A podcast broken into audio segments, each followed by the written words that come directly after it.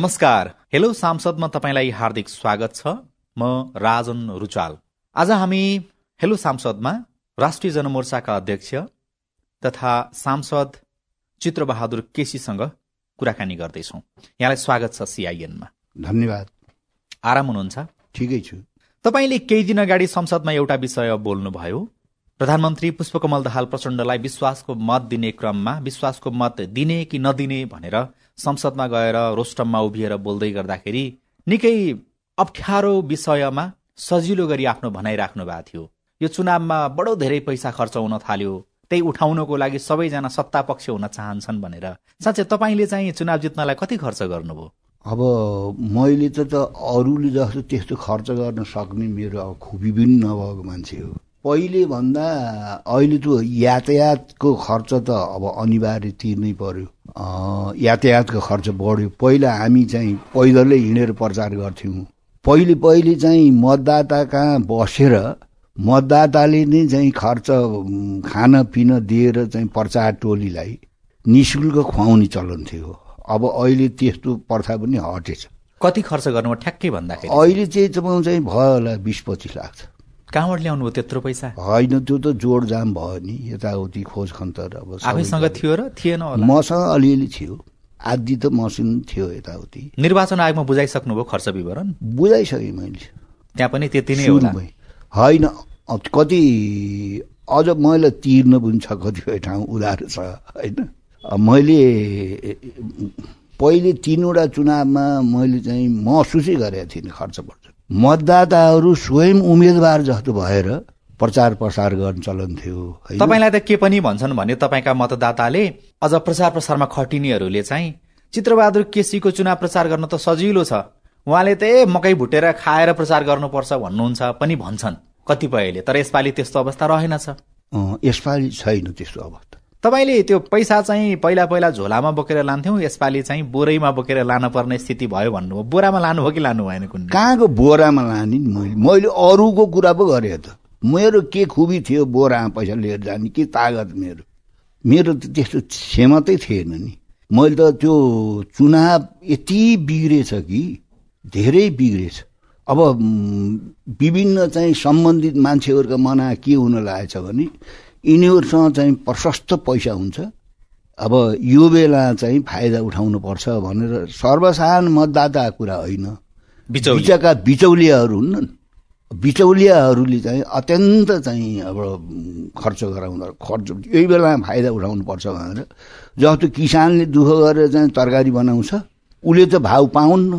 त्यो बिचका बिचौलियाहरूले अब ग्राहकले पनि पाउन्न सुविधामा सस्तोमा। त्यो बिचकाले खान्छन्। त्यो चुनावमा पनि त्यस्तै विकृति आएछ। धेरै देशैभरि त्यो धेरैका अनुभव मैले अब सुने। अब म चाहिँ चौहत्तरमा लडिनँ। त्यसभन्दा पहिलेका चुनावहरूमा त्यस्तो छँदै थिएन। एकदम सहज थियो सरल थियो। धेरै सुविधा हुन्थ्यो चुनावमा। अहिले त्यस्तो रहन्छ। बिग्रेछ। अब पार्टीले पनि तपाईँलाई सघायो होला खर्च पर्चको लागि त्यस्तै अरू सर्वसाधारणले पनि सघायो होलान् शुभेच्छुकहरूले सघायो होलान् यद्यपि अलिअलि बाँकी छ ऋण तिर्न भन्नुभयो धेरै ठाउँमा उधारो पनि छ भन्नुभयो। कसरी तिर्ने त नि संसदबाट आएको त्यो सुविधाले तलबले त तपाईँलाई खाना बस्न नै ठिक्क होला। होइन अब त्यो किफायत गरेर पनि यताउति तिर्दै गर्नुपर्छ। फेरि सरकारमा पनि जानु भएन विश्वासको मत पनि दिनु भएन। सरकारमा पैसा कमाउनु जाने होइन नि सरकारमा। एकचोटि उप प्रधानमन्त्री पनि हुनुभयो तपाईँ। त्यति बेला पैसा कमाउनु भएन तपाईँले? जस्तो गएको त्यस्तै आएँ त्यति बेला झन् ऋण लाग्यो मलाई। किनभने अब त्यहाँ अब गलत फाइलमा सही गर्ने बानी मेरो नाही ए त्यस्तो पनि आयो? गलत फाइलमा सही होइन म त लेखा समितिको अध्यक्ष भएर नि दस महिना काम गरे मान्छे हो नि। गिरिजा प्रसाद प्रधानमन्त्री हुँदाखेरि। लेखा समितिको सभापति। सभापति हुँदाखेरि। होइन त्यो अनुभव छ नि। त्यो नगर्ने काम नगरिकन त पैसा आउन्न तपाईँ एकचोटि हामीलाई भन्दै गर्दाखेरि कुराकानी गर्दै गर्दाखेरि तपाईँ सहकारी तथा गरिबी निवारण मन्त्रालय सम्हालेर बस्नु भएको थियो त्यस बेला त्यति बेला चाहिँ त्यो फाइदा लुट्न आउनेहरू फाइदा लिन आउनेहरू कस्ता कस्ता खालका हुँदो रहेछ त्यो अनुहार सम्झिनुहुन्छ तपाईँ अहिले? अनुहार सम्झे पनि मैले अहिले नाम लिन्न किनभने उनीहरू गइसके अब रिटायर भइसके होइन? त्यसो हुनाले मैले चाहिँ त्यहाँ भोगेको छु। स्वयं चाहिँ माथहातकै कतिपय मान्छेहरूले पनि किन्न खोज्ने र किनेर चाहिँ आफ्नो मातहतमा बनाएर गुण लाएर नाजायज फाइदा उठाउने त्यो प्रवृत्ति मैले देखेँ। त्यो मन्त्रालयहरूमा त्यस्तो नाजायज मान्छेहरूले फाइदा उठाउन खोज्ने मान्छेहरूले बिचौलियाहरूले मान्छेको इमान चाहिँ कतिमा किन्दा रहेछन्? अब त्यो ट्याक्क चाहिँ मूल्य त के भयो र अब कुन विषयमा उनीहरूले चाहिँ फाइदा उठाउनु खोजे हुन्? तपाईँलाई कति प्रस्ताव गरेका थिए भन्ने हिसाबले सोध्या। त्यति बेला मलाई सिधै दिन भन्दा पनि पार्टीको राष्ट्रिय सम्मेलन थियो। त्यो राष्ट्रिय सम्मेलनमा अब मेरो पनि पार्टी हो मैले पनि मद्दत गर्न पाउन्न भनेर एउटा चाहिँ मान्छेले त्यही मन्त्रालयसित सम्बन्धित मान्छेले प्रस्ताव राख्यो। मैले त बुझिहालेँ। लाखको थियो कि करोडको थियो प्रस्ताव? करोडको त थिएन। हामीलाई करोडको कहाँ आउँछ? लाखका थिए। यो करोडको प्रस्ताव चाहिँ कसलाई आउँछ त नि? करोडका प्रस्ताव त अलि ठुल्ठुला मन्त्रीहरूलाई प्रधानमन्त्रीहरूलाई अरू अरू चाहिँ महत्त्वपूर्ण मन्त्रालयमा सम्हालेकाहरूलाई अर्थ मन्त्रालयमा काम गर्नलाई हो नि आउने त। हामी त भारीभुरी अब सबभन्दा गरिब मन्त्रालय कसैले चाहिँ त्यहाँ खुट्टु नहाल्ने मन्त्रालय सहकारी मन्त्रालय हो। त्यो सहकारी मन्त्रालय नि के भयो भने त्यहाँ मन्त्री हुन बित्तिकै चाहिँ त्यति बेला पच्चिस अरब रुपियाँ चाहिँ ठगिएका सहकारीका सदस्यहरू। अब कतिले त आत्महत्या पनि गरेका। मलाई त सबभन्दा ठुलो सजाय के भयो भने अब मन्त्रालय जान नपाउँदै त्यहाँ चाहिँ बाटा बाटा भिड छ। म यसरी ठगिएँ। मलाई सहकारीले यसरी चाहिँ रोआयो मेरो इतिश्री गरायो। अब हजुर चाहिँ मन्त्री भएपछि अब यो असुल गरिदिनु पर्यो भनेर सबभन्दा ठुलो पीडा मैले चाहिँ सहकारी मन्त्री भएपछि सहकारीका नामबाट बिचौलियाहरूले कति ठगेका रहेछन् कति नेपाली जनतालाई लुटेका रहेछन् भन्ने कुरा मलाई त्यो त्यो सहकारी मन्त्री भएपछि मलाई थाहा भयो। स्वयं सहकारी सञ्चालन गर्ने चाहिँ सांसद भएका मान्छेहरू मन्त्री तक भएका मान्छेहरू अहिले त त्यो रकम पैँतिस अरब भएको छ। अनि त्यो मन्त्रालयमा गइसकेपछि मैले चाहिँ त्यहाँ केही राम्रा कर्मचारीहरूको सल्लाह लिएर के गर्ने यो त अब छोरा बुहारीसँग छुट्टिए बुढाबुढी। त्यसपछि आफ्नो अंश लिए। लिएपछि उनीहरूले अब त्यो अंशलाई बेचेर ब्याङ्कमा पैसा राखे। त्यो कुरा त सहकारीका बिचौलियाहरूले थाहा पाए।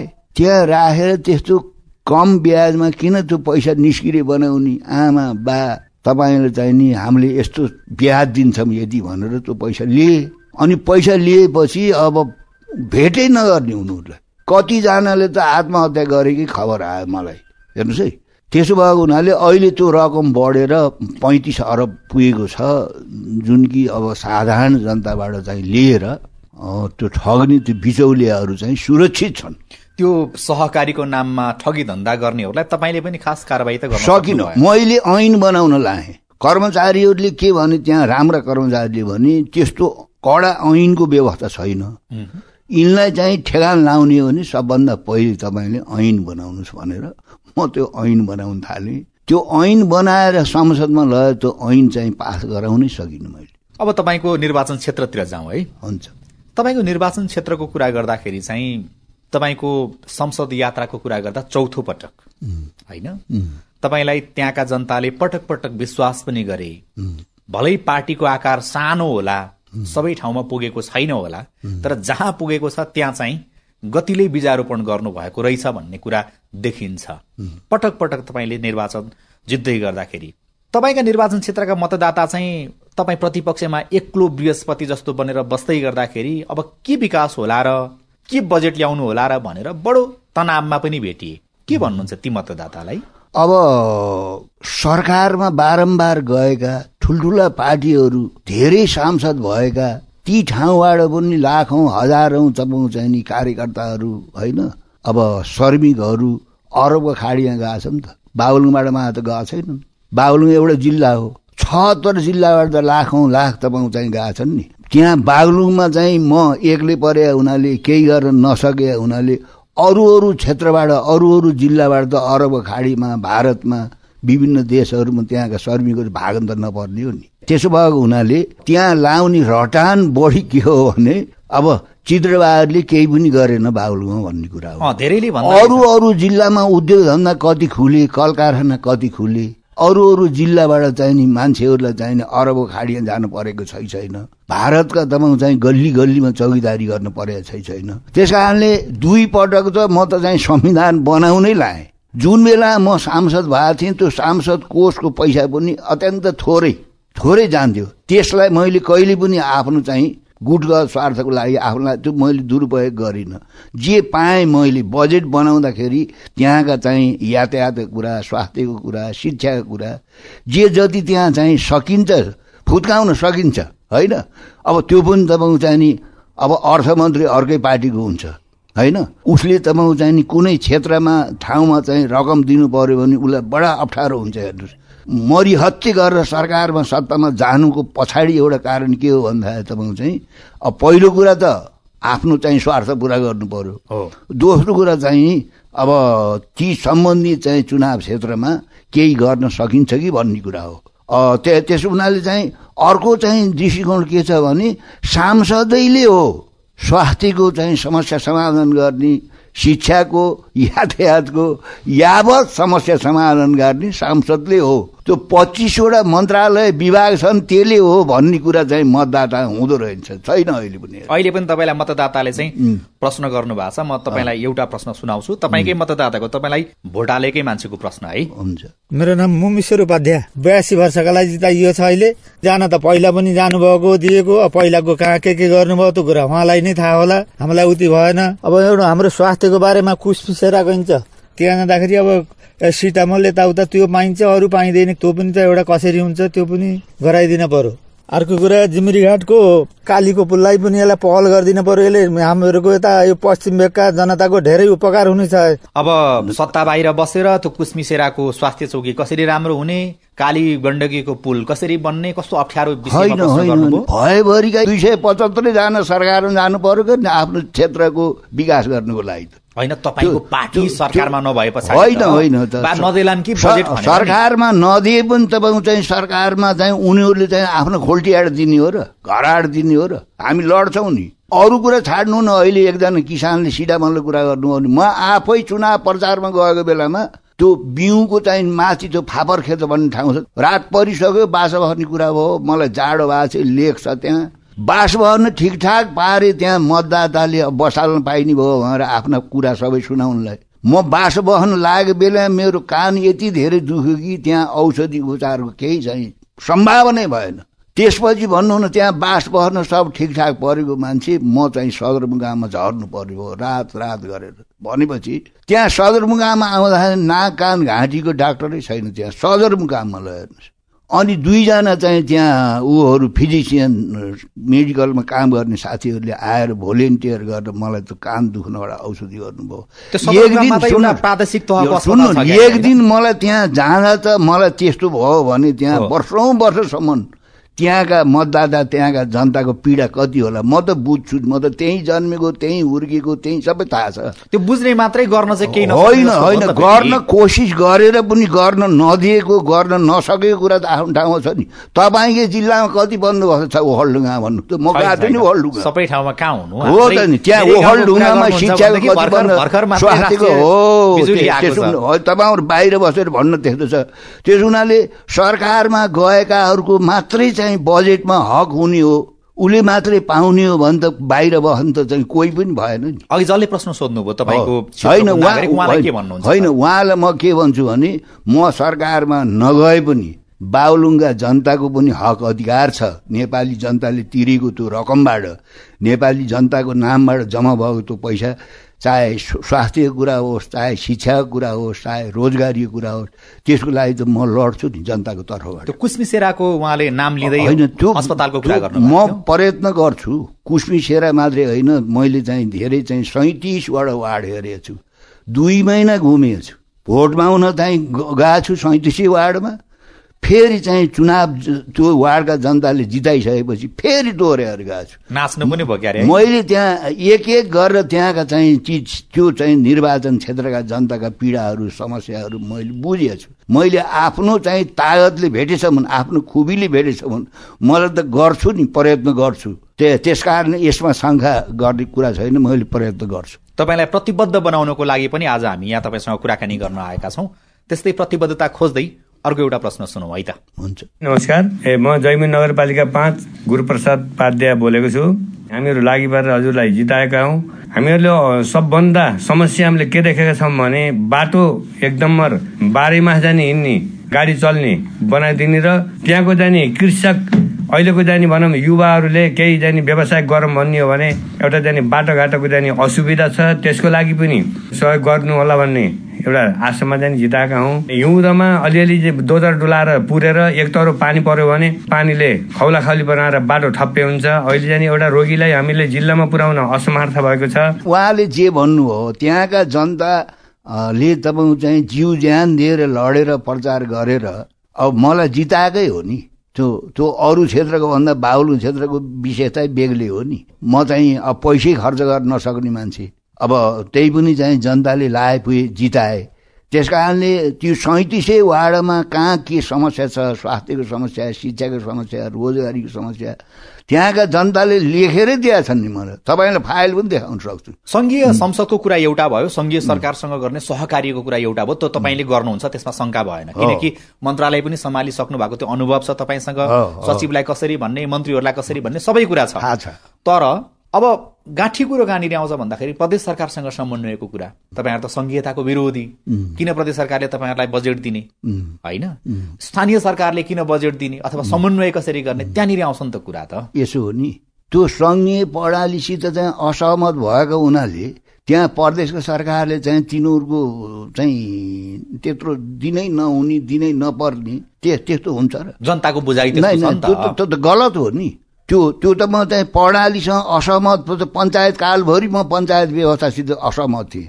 त पञ्चायतहरूले तपाईँको चाहिँ नि म मास्टर छँदाखेरि त पञ्चायतको विरोधी होस् तैँले चाहिँ तलब पाउनु त भन्न सकेनन् नि उनीहरूले। तलब त दिए। दिए दिन पर्यो नि त। त्यस कारण पञ्चायत व्यवस्था विरोधी हो राजतन्त्र विरोधी हो तैँले चाहिँ पाउनु त भन्न त्यति बेलाका पञ्चेल त सकेनन् भने। दिएनन् भने। होइन दिएनन् भने चाहिँ त्यही किसिमको लडाइँ हुन्छ नि त्यही किसिमको ऊ हुन्छ नि। अहिले चाहिँ प्रदेशको त यो सङ्घीय प्रणालीको आज र हो मैले विरोध गरेको। त्यसो भएदेखि अहिलेसम्म तपाईँको निर्वाचन क्षेत्रमा अघिल्लो कार्यकालको कुरा गर्दाखेरि कति चाहिँ प्रदेश सरकारबाट बजेट गयो त नि? के के कामहरू भयो त नि? होइन त्यो सबै फेरि त तपाईँलाई मैले अहिले बताउन मैले सक्दिनँ। तै पनि प्रदेशबाट जान पर्ने प्रदेशबाट त्यो बागलुङ जिल्लाका चाहिँ जिल्लाका जनताले मतदाताले पाउने रकम चाहिँ प्रदेशबाट गएछ। म यहाँ आफै घुमेर आएको छु नि गएर। अर्को चाहिँ तपाईँको निर्वाचन क्षेत्रमा समस्या के रहेछ भने कृषिको सम्भावना तर बाँदर लागेर हैरान बनाउने समस्या रहेछ। त्यो एउटा समस्या सुनाउँछु है त। तपाईँकै मतदाताको आवाजमा महिला सुना छन् नि मतदाताले। अहिले पनि सुनाउँछु। नमस्कार म लक्ष्मी शर्मा जैमिन नगरपालिकाबाट। एक नम्बरमा पहिलो बाँदर नियन्त्रण गर्नु पर्यो। बाँदरले गर्दा जनता सबै उठीबास लगाएर हिँड्न पर्यो पर्ने बाध्यता आइसक्यो। बाँदर खेती लगाउँछ बाँदरले बाँदर लखेट्न आँदा बाँदरले उल्टे मान्छेलाई पिटेर घरमा थुनिएर बस्न परेको छ। त्यसलाई कसरी नियन्त्रण गर्ने त्यो एक नम्बरमा राख्नु होला। दोस्रो भनेको बाटो खनिएको छ तर त्यो त्यो त्यत्तिकै अलपत्र छ। त्यो कालोपत्र गर्न तुरन्त व्यवस्था गर्नु पर्यो। अर्को एउटा तपाईँ तपाईँलाई जिताइयो पार्टी तपाईँलाई संहिताको विरोध गर्ने हुनाले प्रदेश सरकारलाई कसरी खारेज गर्ने व्यवस्था तुरन्त गर्नु पर्यो। उहाँको हातमा त्यो तपाईँलाई भोटाल्दाखेरि लगाएको मसी पनि मेटिसकेको सुकिसकेको छैन होला। उहाँले प्रश्न एकदमै धेरै त्यो सुन्दाखेरि चाहिँ बाँदरले मान्छेलाई समेत लखेट्ने भन्दाखेरि कतिपयलाई हाँसो पनि उठ्ला। तर कारुणिक प्रश्न हो। साँच्चै कि आजको यथार्थ प्रश्न हो गाउँहरूको? के भन्ने? के जवाफ दिने त होइन। त्यो त्यो तपाईँको चाहिँ नि उहाँले त्यो त्यहाँको कुरा गर्नुभयो। मैले विभिन्न चाहिँ ठाउँमा बाँदरकै कारणले चाहिँ यहाँबाट बसाइ सरेर हिँड्यो भने त मतदाताहरूले भने मलाई देखाए। अब त्यो तपाईँको चाहिँ त्यो छुमन्दरी बाचा अहिले उहाँलाई खुसी पार्न मैले त्यहाँ बाँदर नआउने बनाइदिन्छु भनेर मैले भनेर चाहिँ त्यतिकै अहिले खुसी पार्ने कुरा त भएन। खोइ खासै यो विषयमा संसदमा बोलेको पनि सुनेको छैन होइन त बोलेका छन्। पहिले पनि मान्छेहरू बोलेका छन् तपाईँले थाहा नपाएको होला होइन? होइन यसपालि सुने मैले। बाँदरका कारणले भाग्न पर्ने होइन बोल्ने एउटा कुरा हो। त्यो त तपाईँको चाहिँ नि खालि त्यहाँको मात्रै कुरा होइन नि। तपाईँ धेरै ठाउँमा तपाईँले सुन्नुहुन्छ बाँदरका कारणले चाहिँ मान्छेहरू त्यत्तिकै चाहिँ थातबात छोडेर हिँडेको। त्यसको लागि चाहिँ सरकारले चाहिँ नि उचित चाहिँ कदम चाल्नुपर्छ। त्यसमध्ये हाम्रो जिल्लामा पनि अब त्यो समस्या त मैले त चुनाव प्रचारमा गएकै बेला धेरै किसानहरूले भनेको सुने मैले खेतबारी सबै बाँ छोडेरै हिँडेका छन्। किन हिँड्यो किन यस्तो बाँध बाँदरले खानै दिन्न भनेर? त्यो चाहिँ त्यहीँ मेरै जिल्लाको मेरै ठाउँमा समस्या होइन। तपाईँ चाहिँ सिन्धुपाल्चोक जानुहोस् यता तपाईँ नुवाकोटतिर जानुहोस् नेपालभरिका कतिपय तपाईँ चाहिँ ठाउँका चाहिँ किसानहरूको चाहिँ ठुलो समस्या हो। केही दिन। अगाडि मात्रै यही कार्यक्रमका लागि भनेर भोजपुरका सांसद सुदन किरातीसँग छलफल गर्न गएको थिएँ म। त्यति बेला उहाँले पनि भन्नुहुन्थ्यो बाँदरको समस्याले हैरान बनायो त्यही भएर प्रधानमन्त्री प्रचण्डलाई भेटेर आएको उहाँलाई चाहिँ यो समस्या जाहेर गर्न आएँ भनेर भन्नुहुन्थ्यो कि उहाँले। होइन जाहेर गरे गर्ने एउटा कुरा हो होइन? जाहेर गर्ने त मैले पनि सकुला होइन? होइन यो। कुरा तपाईँको चाहिँ नि विश्वासको मत दिएकाको मात्रै हुन्छ र यो सम्पत्ति राष्ट्रको सम्पत्ति हक। यस- यसको मतलब त यसको मतलब जतिले समर्थन गरे त्यो त्यो चाहिँ त्यही पैसा पाउनको लागि विकास पाउनको लागि भन्ने अर्थ गलत अर्थ भयो नि। त्यो त्यसो त नेपाली जनताको अधिकार हो नि राष्ट्रको ढुकुरीमाथि त नि त्यहाँबाट चाहिँ रकम झिक्ने त्यो लगेर विकास गर्ने उनीहरूको हक अधिकार हो नि। अब भिन्न मत राखेका हुनाले समर्थन नगरे हुनाले वञ्चित गर्न पाइन्छ। पाइँदैन। पाइँदै पाइन्न नि। त्यसो कारणले मलाई आत्मविश्वास छ कि आफ्नो चाहिँ क्षेत्रमा आफ्नो ठाउँमा आफ्नो जिल्लामा त्यति मात्रै होइन नेपाल अधिराज्यभरि नेपाली जनताले जुन तपाईँको चाहिँ नि एउटा पीडा भोग्नु परिरहेछ। अब चाहिँ शैक्षिक पीडा रोजगारीका पीडा यातायातका पीडा ती सबै मैले देखेको छु नि।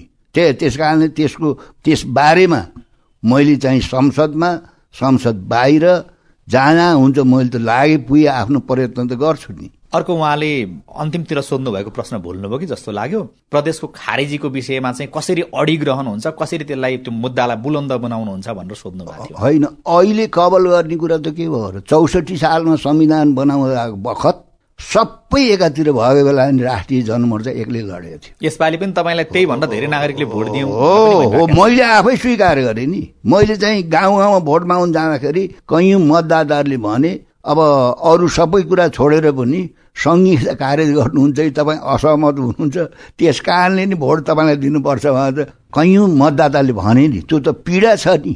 होइन मैले अस्ति नै भने यो पाँच वर्षको अवधिमा दुई सय तिसजना त परदेशमा मन्त्री मात्रै भएछ। अब यो मन्त्री र सांसदको चाहिँ यो जन्ती नेपाली जनताले चाहिँ पाल्न सक्छन्। यति ठुलो रकम चाहिँ सङ्घीयता पाल्न लाउने अनि उद्योग धन्दा कल कारखाना बाँदर लखेटी चाहिँ बजेट निक्लन्छ। हौ तिनै मन्त्रीलाई खुवाउनु पर्यो तिनै सांसदलाई खुवाउनु पर्यो तिनैको ठाँट बाँटमा अरबौँ रुपियाँ जाने भयो क्या यहाँ त। अब त्यत्रो ठुलो गन्जागोलमा तपाईँको यो मधुरो आवाजले कति काम गर्छ हेर्न बाँकी त्यो होइन नि त बाहिर चाहिँ संसद बाहिर चाहिँ लाखौँ लाख जनता छन् नि त। मतदाता छन् नि। देश विदेशबाट तपाईँ चाहिँ आवाज उठाइरहेका छन्। त्यस कारणले संसदभित्र त अहिलेसम्म त छयालिस साल भए त धेरै सरकार बनायो नि त। धेरैजना गयो नि त त्यहाँ। किन नेपाली जनता आज चाहिँ संसारको सबभन्दा नाङ्गो सबभन्दा भोको सबभन्दा बेरोजगार सबभन्दा बेवारी किन भयो? राष्ट्रिय जनमोर्चाले गर्दा हो र। यसभन्दा पहिले जो जो सरकारमा बसे दुई सय एकचालिस वर्ष राजतन्त्रले शासन गर्यो एक सय चार वर्ष राणाहरूले तपाईँ रजाइ गरे। नेपाली जनताले यी सबै शासकहरूको शोषकहरूको पीडा त भोगिरहेका छन् नि। ठिक छ त्यो संघीयता खारेजको विषयमा पछि पनि हामी बहस गर्न सक्छौँ। अहिले चाहिँ संसदकै विषय र तपाईँको निर्वाचन क्षेत्रकै विषयलाई जोडौँ। अर्को एउटा प्रश्न छ हामीसँग यो अन्तिम प्रश्न पनि हो। त्यो सुनौ त्यस पछाडि हामी बिट मार्छौँ। हजुर म ताराकेश्वर सापकोटा जयमिनी नगरपालिका वार्ड नम्बर दुई। हाल बसोबास चाहिँ जयमिनी नगरपालिका वार्ड नम्बर एक।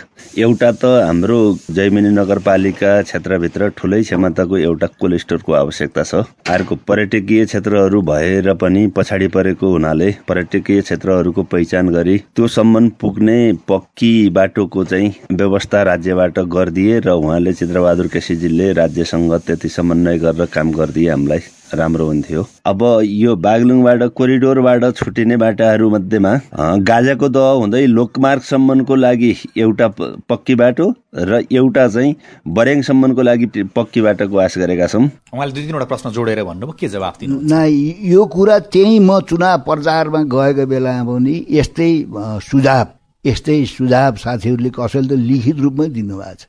त्यसको लागि त म कोसिस गर्छु नि। मैले चाहिँ केही नगरिकन फर्कुला त यो पाँच वर्ष यदि संसद टिक्यो भने यो होइन त्यही त्यसो हुनाले मेरो त आफ्नो कर्तव्य हो नि। त्यहाँ त्यहाँ जनताको चाहिँ यातायातको समस्या होइन अनि चाहिँ अब फलफुल तपाईँको चाहिँ नि त्यहाँ किसानहरूका फलफुल तपाईँको चाहिँ त्यहाँ स्टोर कोल्ड स्टोर नभएर तिनी चाहिँ सर्ट छन्। त्यहाँ चाहिँ अब बिचौलियाहरूले तपाईँको चाहिँ सित्तीमा लान खोज्छन्। त्यो सबै त मैले देखेको छु थाहा छ नि मलाई अनुभव। त्यस कारणले मेरो क्षमताले मेरो खुबीले मेरो पावरले भेटेसम्म त ती जनताका ती समस्याहरूको बारेमा त म सङ्घर्ष गर्छु नि। तपाईँसँग अब अहिले तत्काल त होइन। कम्तीमा पनि दुई वर्ष अढाई वर्ष पछाडि आएर हामीले यसरी कुराकानी गऱ्यौँ भनेदेखि अहिले उठेका जति पनि सवालहरू छन् त्यसमा आधाउधी चाहिँ समाधान भइसके है भन्ने स्थिति बन्छ त। होइन जति सक्छु त्यति गर्ने हो नि। अहिले तपाईँ चाहिँ प्रश्नकर्तालाई खुसी पार्नको लागि चाहिँ कुरा गर्ने अनि दुई वर्ष भयो तपाईँ आउँदाखेरि ल के के पुरा गर्नुभयो ल भनेर त्यो जुन सम्भव हुन्छ त्यो कोसिस त हुन्छ यी सबै उठेका प्रश्नको बारेमा मेरो भगीरथ प्रयत्न त हुन्छ नि। म चुबल आएर त बस्दिनँ अन्तिमतिर छौँ। तपाईँलाई यो प्रश्न चाहिँ अलिक ननिको जस्तो पनि लाग्ला अथवा अलिकति आलोच्य जस्तो पनि लाग्ला। यो बुढेसकालमा तपाईँको आँखी भुँ पनि फुलिसके कपाल दारी सबै फुलिसके। एक हिसाबले चाहिँ बसेर आफ्नो अनुभवहरू बाँड्ने बेलामा चाहिँ संसदीय चुनावमा होबिनुभयो जित्नुभयो संसदमा पाँच वर्ष सक्रियतापूर्वक अब म काम गर्छु भनेर लागिरहनु भएको छ। कतिपयले चाहिँ के भन्छन् भने चित्रबहादुर केसीको पार्टीमा अरू मान्छेहरू थिएनन् र अरू सशक्त उम्मेद्वारहरू हुन सक्ने संसदमा जान सक्ने काम गर्न सक्ने मान्छे थिएनन् र किन उहाँले ठाउँ ओगटिरहनु भएको छ भन्छन्? के भन्नुहुन्छ ती मान्छेलाई? त्यो त पार्टीले गर्ने निर्णय हो। वनको चरो के भएको छ के भएको अहिले चुनावका बेलामा पनि मेरै विरोधीहरूले पनि चित्रबहादुर यसभन्दा पहिले सांसद भएर काठमाडौँमा घर बनायो निधि सम्पत्ति जोड्यो यसो गर्यो उसो गर्यो त भनेनन् नि। विरोधीहरूले गरेको कुरा के हो भने बुढो भयो त्यति हो। त्यही त्यही विरोध गरे त्यही कुरा गरे। त्यस कारणले तन्नेरी पनि त धेरै पठायौँ नि हामीले संसद यसोभन्दा पहिले। परदेशमै पठायौँ केन्द्रमा पनि पठायौँ हामीले तन्नेरीहरू। त्यस कारणले विचारको प्रश्न हो। अहिले पनि धेरै तन्नेरीहरू आएका छन्। दुई चार वर्षपछि तन्नेरीहरू देखिँला होइन? त्यही त्यस कारणले त्यो पार्टीले गर्ने निर्णय हो। गठबन्धनले तपाईँको चाहिँ गरेको निर्णय हो। मैले आफू पार्टीमा बसन्जरी पार्टीमा सकिरे काम गरन्जरी अब पार्टीले निर्णय गरेको कुरालाई मैले मान्नुपर्छ। तपाईँको निर्वाचन क्षेत्रका मतदाताले चाहिँ हत्तेरीका जिताएर गलत गरिएछ भन्ने स्थिति बन्दैन नि। बन्नै हुन्न नि। पक्का? त्यो भएको भए त अहिले पनि जनताले पठाउँदै पठाउँथेनन् नि। त्यो तपाईँले प्रश्न गरे जस्तो त्यो त्यस्तो तपाईँको चाहिँ नि। जनताले भर मानेर जनताले विश्वास मानेर नि फेरि पनि भोट दिए। त्यो तपाईँको कुनै कर्काप गरेर त्यो त होइन नि। कति कति पैसा खर्च गरे मान्छेले त्यस्ता मान्छेलाई हराएर म चाहिँ मलाई फेरि पनि त्यहाँ मतदाताले फेरि पनि विश्वास गरे। त्यो मतदाताले चाहिँ बुढो भन्न नपर्ने अनि त्यहाँ अरूले भन्न नपर्ने। अब यो मिडियालाई यही चाहिएको। त्यहाँ त्यस कारणले विचारको कुरा हो। यसभन्दा पहिले धेरै ठिटाहरू देखिए त। बालुवाटारमा पनि तपाईँको चाहिँ इनफ इनफ भनेको ठुलो चाहिँ लाइन देखिन्छ त युवकहरू। अहिलेको चाहिँ संसदको प्रणालीमा संसदीय व्यवस्थाभित्र जनताका तपाईँको चाहिँ राष्ट्रका अगुवाहरू चाहिँ गलत विचारले गर्दा त राष्ट्र चाहिँ यस्तो दुःख पाइरहेको छ जनता दुःख पाइरहेको छ नि त। त्यस कारणले सबभन्दा पहिलो कुरा त विचारै हो। विचार के हो भने बहुसङ्ख्यक जनताको हक हितको लागि आफ्नो निजी स्वार्थलाई पारिवारिक स्वार्थलाई त्यसलाई तिलाञ्जरी दिएर आफू बाँचन्जरी खुबीले भेटेसम्म राष्ट्र र जनताको पक्षमै लगातार लड्नुपर्छ काम गर्नुपर्छ सकेसम्म। मेरो विचार त्यो हस् समय सम्वादको लागि यहाँलाई धेरै धेरै धन्यवाद। यो सँगै हेलो सांसदको समय सकिएको छ। प्राविधिक साथी सुभाष पन्त र अविनाश आचार्य सहित म राजन रुचाल पनि विदा हुन्छु। हवस् त नमस्ते